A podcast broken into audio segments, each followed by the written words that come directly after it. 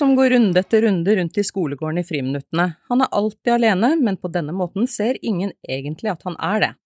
Eller jenta som sjelden får lov å stå i skravlesirkelen med de andre jentene, og som ikke får noen respons når hun sier noe. Utenforskap er sårt og komplekst. Er utenforskap det samme som ensomhet, og er det å oppleve mye utenforskap det samme som å oppleve mobbing? Hvilke konsekvenser har det når det blir vanlig for barn og elever at de ikke får være med på fellesskapet de andre deler, på skole og i fritid? Velkommen til lærerrommet, jeg heter Vigdis Salver. Og navnet mitt er Marianne Olsen Brøndtveit. Arbeidet mot utenforskap handler ikke bare om omsorg eller et ideal om hva slags skolehverdag vi ønsker for barna våre. Det handler også om folkehelse, og om hvordan barn og elever skal mestre skolen, det faglige, mestre å være rundt hverandre, og ikke minst om hvordan framtida deres som voksne kan bli. For sporene kan bli dype, og arbeidet med å reparere kan nesten ta et helt liv. Og forskning, ja, den viser at nøkkelen som regel ligger i hvordan gruppa rundt elevene fungerer. Ofte snakker man om at eleven skal hjelpes inn i elevgruppa. Og kanskje er det på tide at vi begynner i større grad å snakke om hvordan vi skal trene gruppa til å si bli med, og faktisk også mene det. Og her i studio står vi sammen med Oslos mobbeombud Kjerstin Ovren og forsker Selma Lyng ved OsloMed. Og dere har jo på hver deres måte både solid innsikt i forskning og elevenes egne beskrivelser og opplevelser. Og Ovren, du har kontakt med veldig mange elever i Oslo-skolen og deres foresatte. Og når elevene forteller om utenforskap, hva er det de forteller om da? Det er jo en uro knytta til det å, å, være usikker på om du er god nok, være usikker på hva du skal gjøre eller ikke skal gjøre for å få innpass. Så for mange elever så handler det ikke nødvendigvis om den der utskyvningen, at noen liksom, setter øya i deg og sier gå bort, men det er mer den der usikkerheten knytta til kan jeg gå bort, hva skjer da, eller usikkerheten knytta til om det kanskje også er enklere å bare stå alene noen ganger enn å være sammen med noen, fordi kanskje det de snakker om er noe som du ikke helt eh, er så interessert i, eller har noe å si noe om. Så det er jo erfaringer som bygger på hverandre, som for noen barn får en sånn eh, totalitet at de rett og slett også ekskluderer seg selv fra fellesskapet. Det er jo de man ofte snakker om, da, som skal hjelpes inn. Og for foresattes del så vil jo dette være en ekstremt vanskelig situasjon å stå i, fordi det er ikke så lett å peke ut hvem som har skyld, eh, heldigvis på mange måter. Så det å, å fremme barnas eh, opplevelse overfor skolen her kan også være vanskelig, fordi det er, det er litt sånn vanskelig å sette ord på. Og ofte så kan jo også voksne oppfatte det slik at disse elevene ønsker å være alene, hvis mm. de spør dem. Er det slik at disse elevene opplever mye skam? Ja, det er jo mye skam og mye stigma knytta til å ikke være en sånn naturlig del av gjengen. Og for elever som, som, opplever dette på daglig basis, så er det jo noen også som etter hvert går inn i en tro på at sånn er det. Eh, jeg er jo en sånn som fungerer best alene, jeg er jo en sånn som ikke er eh, så veldig spennende å være sammen med. Så jeg er helt enig i den innledningen som, hvor det beskrives et folkehelseperspektiv. Det er veldig, veldig riktig og, og alvorlig, som vi ja. Ja, Selma Lyng, her hadde du noe å tilføye? Ja, men jeg tenkte jo på en utfordring som ble tatt opp i både elever og lærere, egentlig, i den studien som vi gjennomførte. Da, eh, med at det kan jo være et dilemma for lærere hvor de står og opplever at de får direkte beskjed fra elevene at de ikke ønsker, ikke eller at de opplever at elevene unndrar seg kontakten og deres forsøk på relasjonsskaping og relasjonsbygging. Og da, eh, når man da stopper opp og ser nå kommer jeg ikke lenger, og føler at man nesten kanskje trenger seg på, så er jo det en vanskelig situasjon å stå i. Og da tenker jeg at det er liksom viktig nettopp når du uh, nevner det uh, stikkordet skam, da. At uh, det er jo veldig ofte vanskelig å skylde både for seg selv og overfor andre. ikke sant? Det derre 'jeg vil ikke være med', eller 'jeg kan ikke være med'. Mm. Så i hvert fall i første omgang så skal man jo um, ikke stoppe opp ved den første innskytelsen på at her er det en som ikke vil. Vi skal komme tilbake til eh, hva voksne kan gjøre mm. seinere i denne episoden, men Kjersti Ovren, kan du først si noe om hvilke barn og hvilke ungdommer som opplever utenforskap i skolehverdagen sin? Det kan jo være hvem som helst, egentlig. Ehm, det kan også være de elevene som ser ut som de har det ganske ålreit, som smiler og leker og har det gøy, men som kan kjenne på en usikkerhet, eh, kanskje også knytta til varigheten av den aksepten de kanskje kjenner på i gruppa akkurat den dagen, fordi de har hatt erfaringer med at man kan være inne på mandag og ute på fredag. Så utenforskap er ekstremt subjektivt, og det er også noe vi voksne kan oppleve i, i våre liv. Men det er klart, elever som er sårbare, eller behovsrike, elever som kanskje også har opplevd å bli mobba, opplevd å stå mye alene, har jo en større sannsynlighet for å lese mye av sine gamle erfaringer inn i nye situasjoner. Og det er derfor det er så viktig å ikke være så opptatt av det der intensjonalitet, altså mener de det, de som er rundt, som ikke vil leke med, eller handler det kanskje om en gruppekultur hvor det også er utrygt å være de andre som ikke nødvendigvis automatisk inviterer inn. Mm. Hvordan griper skoler an denne problematikken, og hvor store forskjeller er det fra skole til skole? Det er store forskjeller fra skole til skole, og det er store forskjeller innad på skolene, mellom klasse og klasse og lærer til lærer. Eh, noen eh, lærere er nok mest opptatt av å slå ned på det de kanskje betegner som, som eh, alvorlig mobbing, altså det man ser er veldig sånn synlig og fysisk, eh, og tenker at det kanskje ikke er så eh, alvorlig, eller ja, kanskje heller ikke ser at eh, det skjer. Og så har du lærerne som er veldig, veldig tett på, og kanskje også lener seg veldig inn og styrer leken, kanskje for noen barn i så stor grad at elevene heller ikke får mulighet til å trene opp de sosiale ferdighetene som skal til for å være i lek. Fellesnevneren for alle lærere som jobber med denne tematikken, er jo at det er god intensjon bak. Man ønsker veldig gjerne å få det til, og jeg tror det som er viktig hvis man skal få et bedre system og høyere kompetanse ute på alle skoler, det er jo å se på hva slags strukturer i skolen er det dette skjer under, og hva slags ledelsesansvar er det som også da pålegges eh, rektor og de øvrige skolelederne for å forebygge. Ja, Silmaling, dette har jo du sett på en del som forsker. Eh, du nevnte jo blant annet studien din nå i, i tidligere. Eh, du har jo sett på dette en årrekke. Men hvis vi ser på historien og beskrivelsen som Ovren starter med her, hva sier forskningen om dette her? Vet vi noe om om dette er et problem som er voksen, eller er det bare på en måte også fått en ny eller annerledes oppmerksomhet nå? Altså, det kommer jo litt an på. Altså, utenforskap kan jo bety eh, mye, og det brukes jo også, ikke sant, i litt mer sånn bredt, at, eh, at det å på en måte ikke delta på samfunnsarenaer, ikke sant, i arbeid og skole og sånn, på en måte være sosialt marginalisert. Men når vi snakker om det i skolesammenheng, så, så tenker vi mer det, ikke sant, det å være Oppleve at man ikke er en del av sosiale relasjoner eller tilknytning, da. Hvis man ser på Altså, der er det jo igjen diskusjon hvordan måler man ting, ikke sant, når man ser på utvikling over tid. Men hvis vi ser på f.eks. ensomhet, da, så er det jo en tendens blant unge, ikke sant, til at det er økt ensomhet. Eh, og selvfølgelig, nå har vi hatt korona, da er det igjen, da, med så mange andre ting, noen ekstra utfordringer i kjølvannet av det, både i forhold til å reetablere disse gode fellesskapene, og også følge opp elever som på en måte som har kanskje fått enda, vei leng, enda lengre vei da, inn i fellesskapene etterpå. Mm. Men eh, i hvilken grad, du, du, du nevnte det i stad også, men i hvilken grad ser voksne eh, disse barn og ungdommene som opplever ensomhet eller utenforskap? Eh, er de vanskelig for de voksne å oppdage hva dette handler om? Det som ofte er, er jo, som man ser over tid, er jo at sant, det er lett å se utfordringer som blir akutte, som du merker helt tydelig i timen, som handler om dette utagerende osv. Mens det å følge opp og liksom avdekke det som ikke er så synlig, det kommer litt lenger ned på lista som regel, ikke sant, i, i det som jeg vet, i eh, hverdag eh, hvor det er mange oppgaver. Men eh, ofte så, når jeg er rundt i hvert fall, så opplever jo lærere ser jo hvem at det er noen som kanskje ikke er utafor. Men så er det noe med tiden da, til å gjøre de analysene, enten det er det gjelder jo alle typer utfordringer, enten det er mobbing eller det er utenforskap, eller at man liksom Hva er det dette handler om?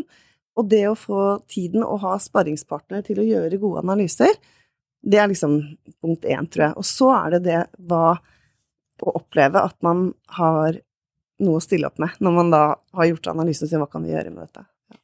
Du ønsket å kommentere det? Ja, jeg tenker Det er jo ikke nødvendigvis sånn at disse barna setter seg på vennebenken og venter på at noen skal komme bort og spørre hei, er du utenfor? Mm. Mange barn eh, ønsker å skjule dette i så stor grad som mulig, nettopp som vi var inne på tidligere, at det er mye skam knytta mm. til å kjenne på, på, denne uroen. Og Derfor så tror jeg det er viktig, når vi skal spørre om liksom, hva, hvordan får vi øye på det, kanskje handler det ikke om det vi får øye på, men det handler om hva slags samtale vi har med barna om dette. For å observere, det kan vi gjøre 24 eh, timer i døgnet uten at vi nødvendigvis får øye på det indre livet og de indre tankene. Mm. Og da er vi litt inne på, sant, tilbake til dette med hva slags verktøy er det lærerne trenger. De trenger jo gode verktøy knytta til det å ha gode, åpne dialogiske mm. samtaler med ja. barn.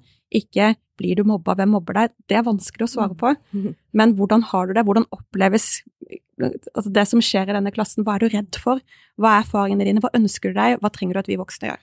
Ja, du snakket jo om disse verktøyene. Mm.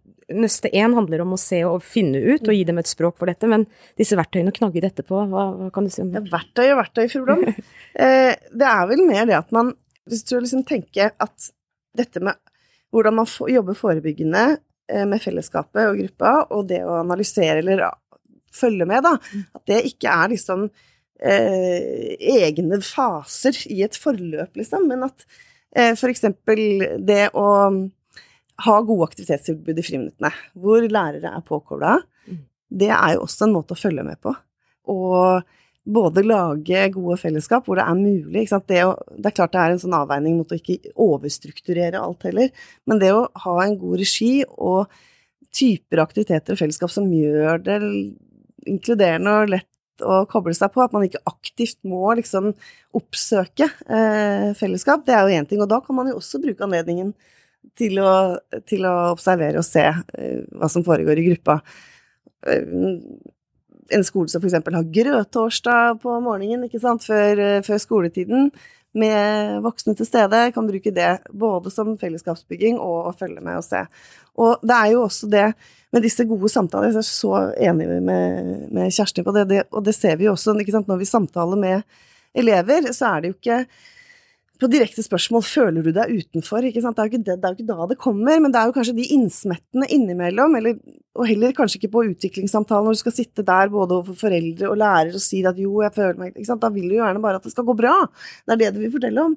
Så det er de der innsmettene, og gjerne med andre aktiviteter hvor du kan henge spørsmålene på noe du allerede har sett. Så det tror jeg er mer være på enn det å tenke sånne konkrete verktøy, da. Mm. Ja, du som mobbeombud, eh, du kobles jo ofte inn når situasjonen har blitt verre, den har kanskje låst seg, skaden har skjedd, eller det er veldig mye å ordne opp i.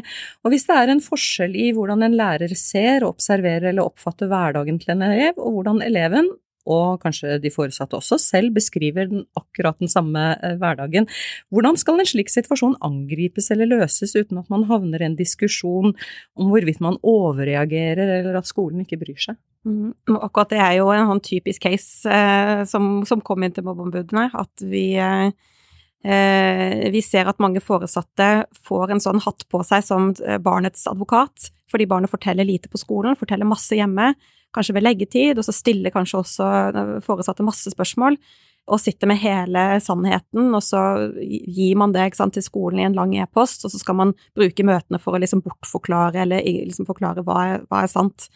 For å unngå det, så er det egentlig ett prinsipp som gjelder, og det er barnets subjektive opplevelse.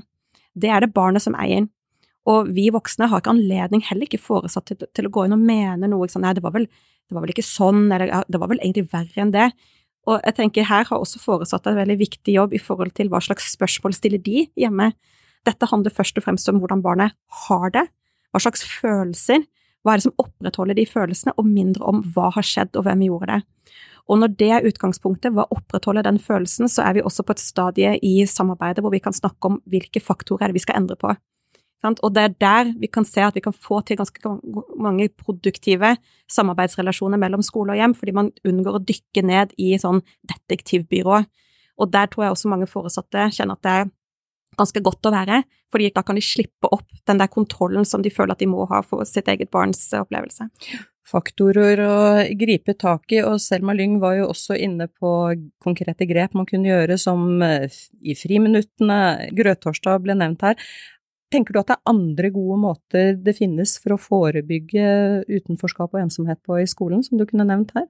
Ja, det er 100 det som skjer i klasserommet. Det er det som skjer gjennom undervisning.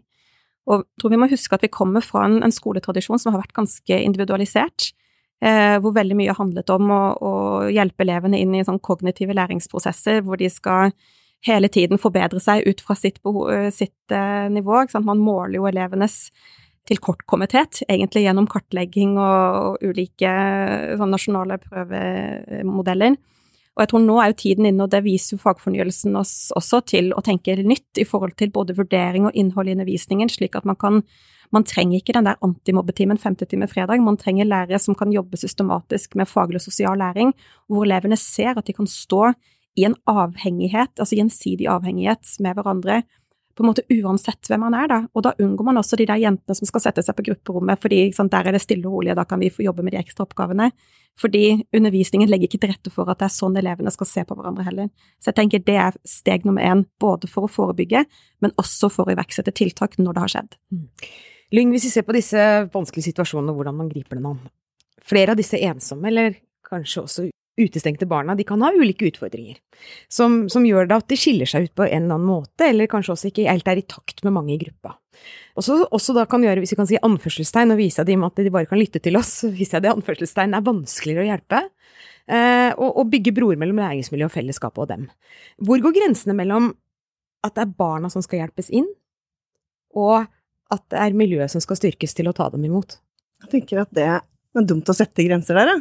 At det handler jo veldig ofte om det samme. Altså, et eksempel kan jo være ja, for eksempel uh, i den um, boken som kom på, på KS forlag nå i høst, så har skrevet et kapittel sammen med to lærere sant, som bruker tverrfaglige prosjekter, også som sosialt byggende prosjekter. Og det også, jo, viser jo også liksom mulighetene som ligger med fagfornyelsen også, eller den retningen, da.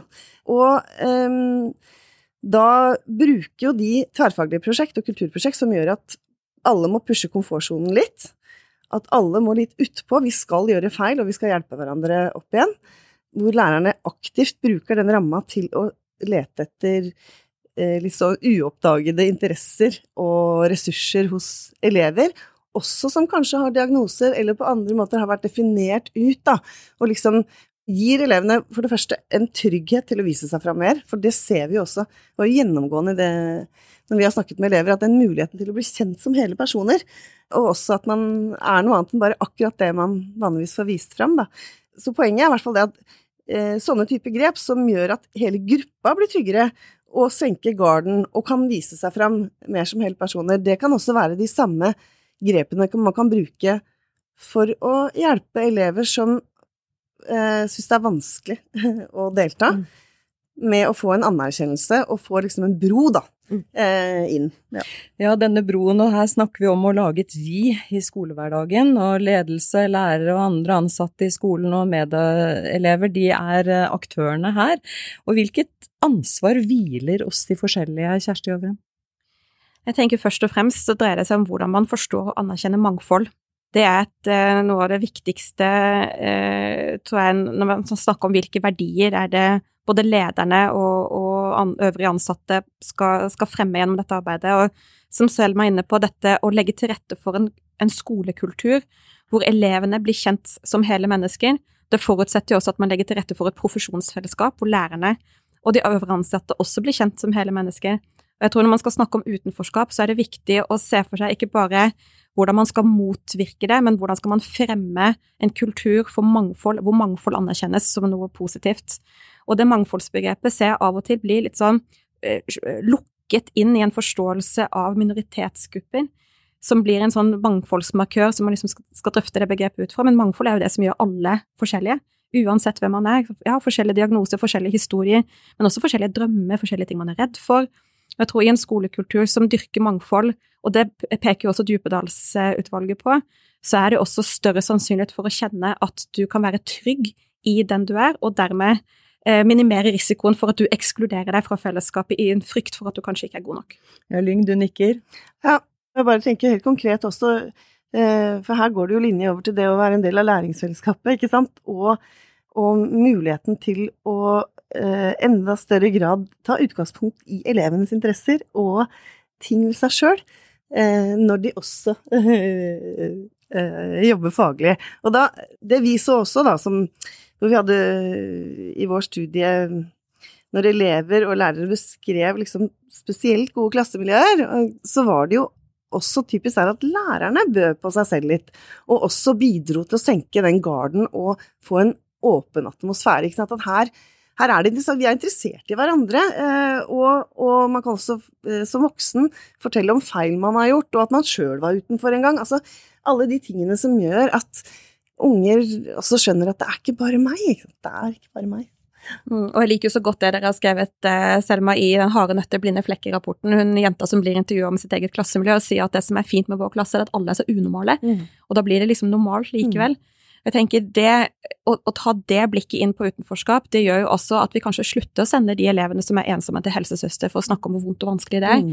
Fordi vi har heller blikket på konteksten utenforskapet skjer i, og de faktorene som kanskje heller ikke knytter seg til elevenes personligheter eh, og svakheter, men som dreier seg om sånn, voksnes rolle, voksnes holdninger, hvordan også voksne snakker frem mm. det at det er så bra eh, at vi er annerledes, for tenk så kjedelig det hadde vært hvis alle var like. Mm. Og det er en sånn trygghet for alle mennesker, tror jeg, å kjenne på det at en som har et lederansvar i gruppa, måtte fremme de verdiene der, det gjør det også trygt å by på seg sjøl som elev.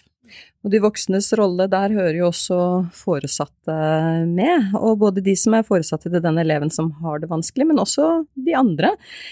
Hvilket ansvar bør de eh, ta og få? Jeg tror mange foresatte kanskje trenger å øh, bli fortalt i enda større grad hva skolen er nå i år, eh, sammenlignet med hvordan den var for 20 år siden. Det har skjedd en stor forskjell og det ser jeg på henvendelsen til meg, at det er foresatte som rett og slett er litt sånn usikre på hva er det de kan kreve, og hvorfor kan man ikke bare flytte på de som er slemme, og hva, hvorfor kan ikke læreren bare sette noen i skammekroken eller sende ut på gangen. Eh, jeg tror hvis foresatte skal være en reell eh, faktor, altså en del av laget, så trenger foresatte for det første kunnskap om hva som er tenkt at skolen skal være, ut fra både verdigrunnlag og læreplan og forventninger fra myndighetene. Og så må det jo ligge et ansvar på foresatte også i forhold til hvordan de spiller en rolle inn i andre elevers fellesskap. Hvem sier de hei til, og på hvilken måte når de henter inn? Eh, alle foresatte har hørt ikke, ikke baksnakk noen hjemme over middagsbordet, det må vi bare ta som en forutsetning at ingen gjør lenger. Kanskje noen. Men hva mer, da? Sånn, det må være noe mer. Det må være noe mer enn å bare invitere i bursdag. Det handler også om å engasjere seg, tror jeg, i lokalmiljøet, og vise nysgjerrighet overfor andre foresatte slik at også elevene ser at det ikke er utrygt å bli kjent med nye mennesker. Ja, Lyng, hvordan blir dette her når barna vokser? Kommer opp i siste del av grunnskolen kanskje, eller uh, enda større? Da er det jo ikke bare bursdagsfeiringer det dreier seg om. Mm. Nei, um, jeg tenker at um, ja, nå Det er jo ikke heller uh, Altså, sånne tiltak som vennegrupper, da, for eksempel.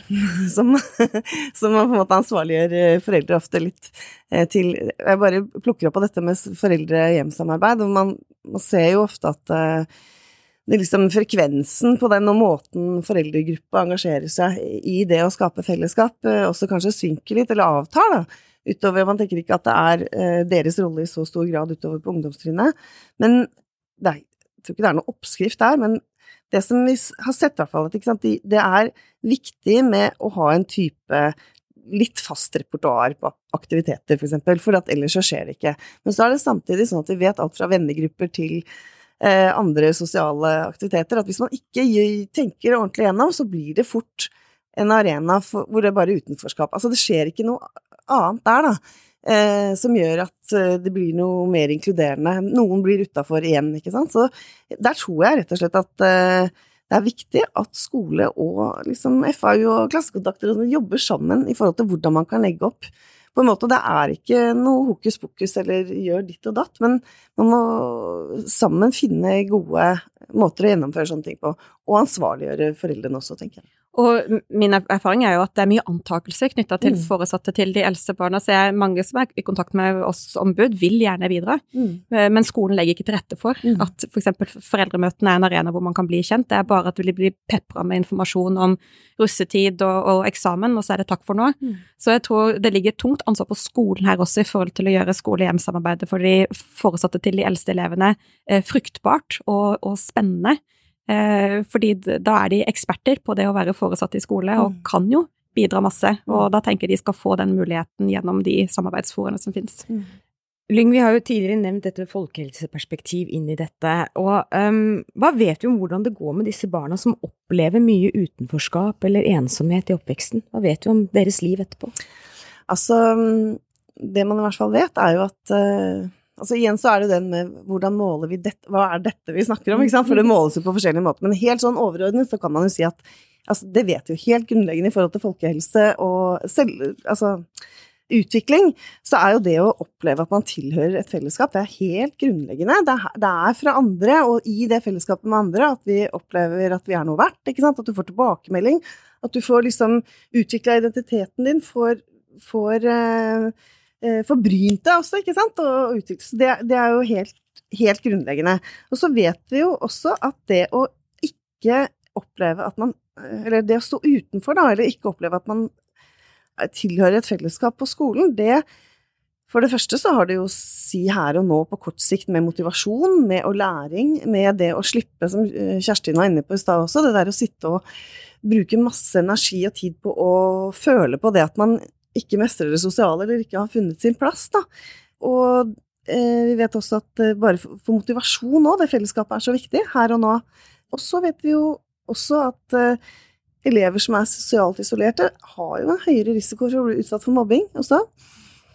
Og at eh, på sikt så er klart at Eller det man jo også har sett innenfor skolevegringsforskningen, ikke sant, det er jo mer og mer fokus på nettopp betydningen av sosial tilhørighet og det å være Altså sosialt utenforskap da, som en faktor i skolevegring. Og, og det er jo så at hvis på sikt, og og det kan man jo se også i lys av skolens både um, smale og brede mandat, ikke sant, at hvis ikke skolen blir denne arenaen for å lære sosial eh, utvikling og også danningsperspektivet og inngå i et fellesskap, så blir jo også så mister man jo også den muligheten for at det blir en arena til å lære elevene å gjøre dem i stand til, å ruste dem til å inngå på sosiale arenaer seinere i livet. Mm. Så vi nærmer oss eh, slutten her, og Ovren elever lever jo ikke isolert på skolen. De tar med seg vennskap og dialog på skoleveien og hjemover. Og hvis elever lærer seg inkludering og hvordan et godt fellesskap skal være, og de lærer det på skolen, er det grunn til å tro at de tar med seg denne lærdommen inn i fritiden sin? Ja, absolutt. Og jeg tenker en annen måte å formulere akkurat den settingen, sånn lære seg fellesskap, altså oppleve fellesskap, oppleve verdien av fellesskap. Eh, det er ingen klasse hvor det er superdupert eh, i klasserommet som plutselig, når de møtes på TikTok to timer senere, så er alt vanskelig. Så det er en åpenbar overføringsverdi her i forhold til hvordan man jobber med klassefellesskapet når elevene er sammen, og hvordan elevene møter hverandre på fotballbanen eller på butikken eller på ungdomsklubben eller på nett. Og jeg tror for mange elever så oppleves det som, ofte som om foresatte og lærerne snakker om eksempel livet på nett, da, som en helt sånn annen fremmed planet langt der borte. Online-livet, ja, hva gjør dere der? Så jeg tror nok for, fra barnas perspektiv så trenger de at voksne snakker om disse store sammenhengene og er nysgjerrig på både det som skjer på fritid og det som skjer på skole, med, liksom, med samme blikk. Mm.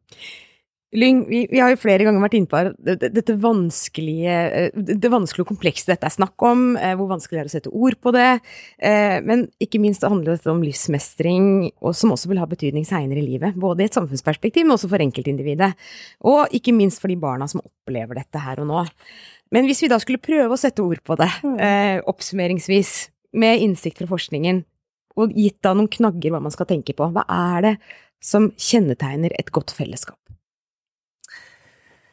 Eh, ja Et godt fellesskap, hvis man skal definere det som noe som er liksom forebyggende og helsefremmende da, i, mm. i, denne sammenhengen, så er det jo tenker jeg at vi i hvert fall må huske at det, det, handler om noe mer enn det at man bare sier at ja, vi går i klasse 6C, og det er her vi hører til. Og at det, en metafor som jeg tror kan være til hjelp, det, det handler om å lage dette sosiale limet. Eh, som gjør at man ikke bare liksom føler at man hører til, men at det er en samhørighet. At man er i en gruppe da, som har felles referanser, som har felles opplevelser, som gjør at vi har noe på tvers av alle de forskjellige menneskene vi er. For det, det er jo så lett på en måte i en klasse at man, som det er for oss voksne òg, ikke sant. Hvis du liksom trekker til de du umiddelbart ser at du har noen felles interesse med, eller de du havner ved siden av, eller sånn. Men eh, det som vi voksne i hvert fall kan gjøre, det er jo å grave fram og eh, løfte fram og eh, legge til rette for at eh, vi ser hva som binder oss sammen, og hva, som, hva vi kan dele. Mm. En påminnelse om dette sosiale limet, det lar vi runde av denne episoden, og ta gjerne denne samtalen videre med kollegene dine og på foreldremøter. Vi sier tusen takk til Selma Lyng og Kjerstin Ovren for at dere ville være gjestene våre i denne episoden av Lærerrommet. Og tusen takk til deg som hører på podkasten vår. Lærerrommet kommer snart tilbake med enda en ny episode med et nytt tema henta fra utdanningsfeltet. Husk å dele episodene våre videre med alle dere kjenner. Nå sier Vigdis og jeg takk for oss. Ha det bra. Ha det.